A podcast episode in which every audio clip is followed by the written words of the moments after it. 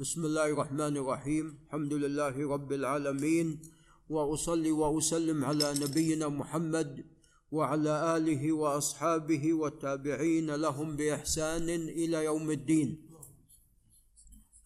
اما بعد فقال المصنف وهو مجد الدين ابو البركات عبد السلام ابن تيميه رحمه الله تعالى في كتابه المنتقى من احاديث الاحكام قال باب أول وقت العصر وآخره. والضرورة. العصر لها وقتان وقت اختيار ووقت ضرورة. كما أن العشاء لها وقتان وقت اختيار ووقت ضرورة. وأما باقي الصلوات فوقتها واحد. نعم. بالنسبة للعصر وقت الاختيار هو من حين يبلغ ظل الشيء مثله. هذا بداية دخول وقت الظهر عفوا بداية دخول وقت العصر وخروج وقت الظهر. إلى أن تصفر الشمس. كل هذا وقت اختيار. وبعض أهل العلم قال وقت دخول العصر إذا نظرت إلى الشمس وقعت الشمس ماذا؟ ضربت في عينك. نعم. فبداية هذا هو وقت الاختيار. إلى اصفرار الشمس. إذا اصفرت الشمس هذا وقت ضرورة. نعم. كيف وقت ضرورة؟ يعني امرأة حائض طهرت. عليها أن تصلي العصر. وتصلي أيضا الظهر. نعم. لأن إلى الآن وقت العصر لم ينتهي بالكلية. وفي الحديث الصحيح المخرج في الصحيحين من أدرك ركعة من الصلاة فقد أدرك الصلاة. نعم. أو كما قال عليه الصلاة والسلام. نعم بالنسبة للحائض تصلي الظهر والعصر. نعم. كما أنها لو طهرت العشاء تصلي المغرب والعشاء.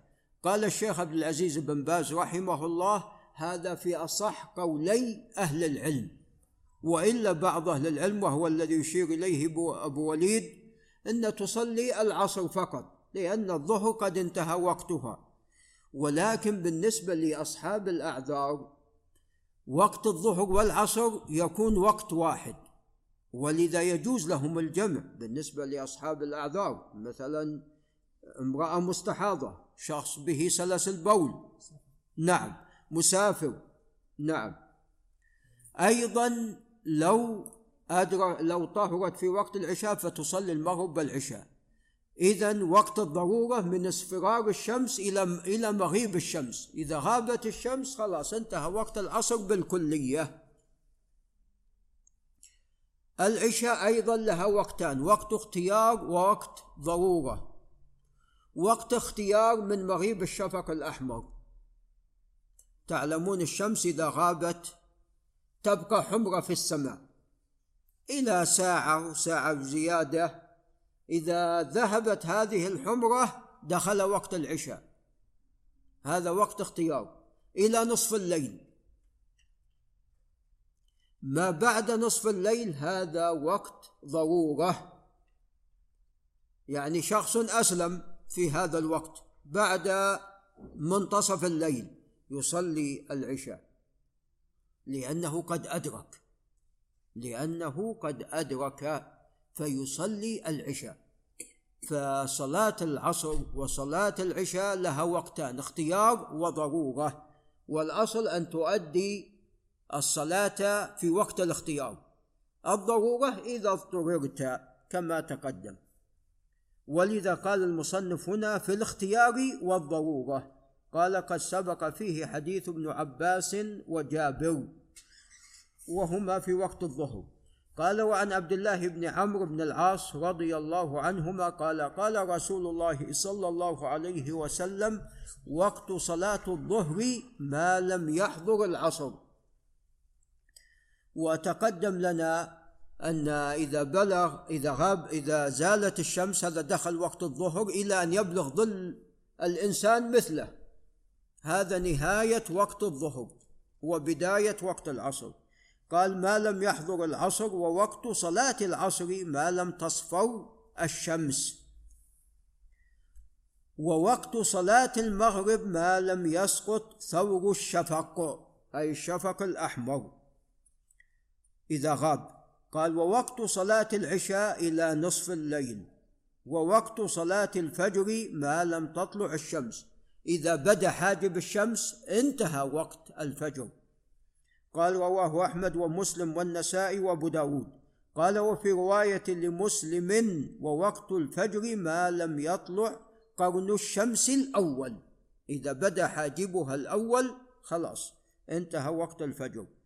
قال وفيه ووقت صلاة العصر ما لم تصفر الشمس ويسقط قرنها الأول.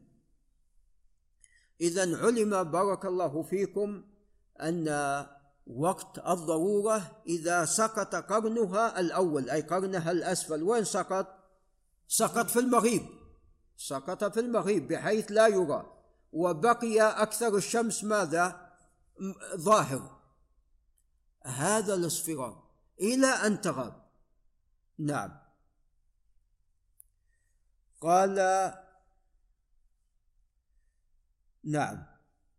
وفيه دليل على أن للمغرب وقتين. من أين أخذ رحمه الله؟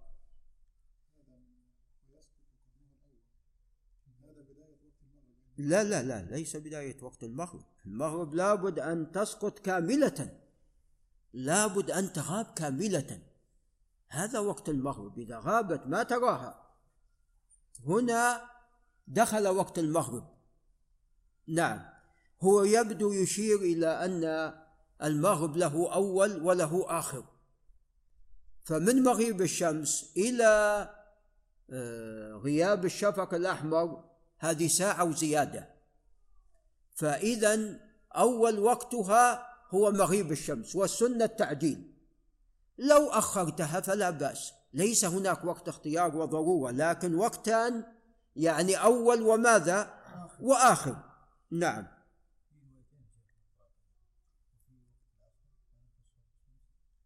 إي هذه تقدم الكلام على اصفرار الشمس.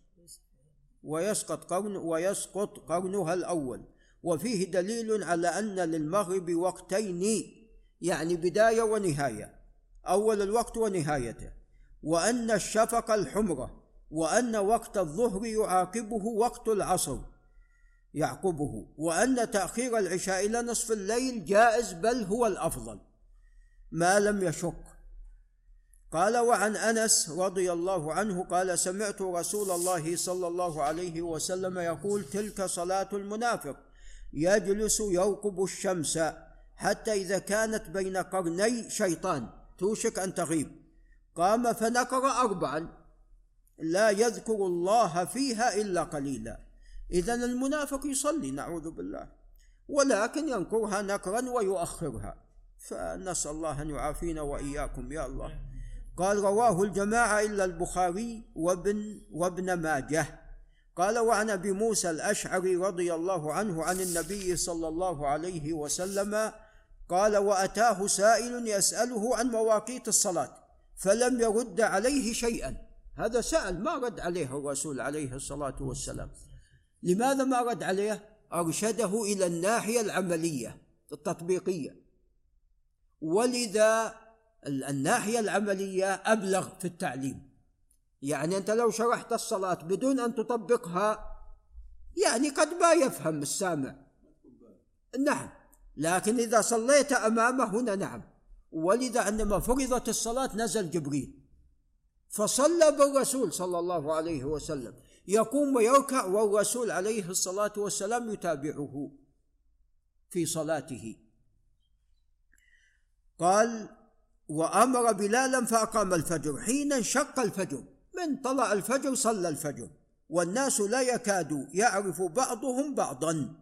ثم أمره فأقام الظهر حين زالت الشمس. من حين زالت الشمس صلى الظهر والقائل يقول انتصف النهار أو لم أو لم ينتصف. هو انتصف بالزوال وكان اعلم منهم أي الرسول عليه الصلاة والسلام. ثم أمره فأقام العصر والشمس مرتفعة. ثم أمره فأقام المغرب حين وقبت الشمس أي غابت. ثم أمره فأقام العشاء حين غاب الشفق ثم أخر الفجر من الغد حين انصرف منها والقائل يقول طلعت الشمس. أخرها جدا عليه الصلاة والسلام. عندما سلم يعني بعد الشمس ما طلعت ولكن نعم أسفرت جدا. نعم كادت. ثم أخر العصر فانصرف منها والقائل يقول احمرت الشمس. نعم أخرها. ثم أخر المغرب. حتى كان عند سقوط الشفق قبل أن يغيب. وفي لفظ فصلى المغرب قبل أن يغيب الشفق.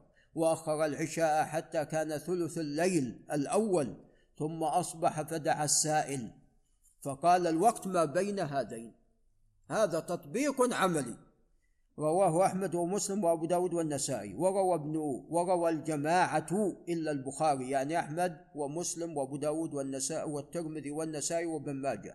نحوه من حديث بريدة الأسلمي وهذا الحديث في إثبات الوقتين للمغرب وجواز تأخير العصر ما لم تصفر الشمس أولى من حديث جبريل لأنه كان بمكة.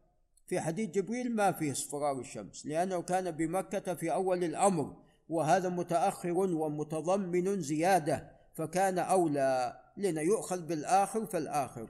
وفيه من العلم جواز تأخير البيان عن وقت السؤال ولعل الشيخ الإسلام ينتبه إلى هذه الاستنباطات المهمة ونقف عند هنا. هذا وبالله تعالى التوفيق.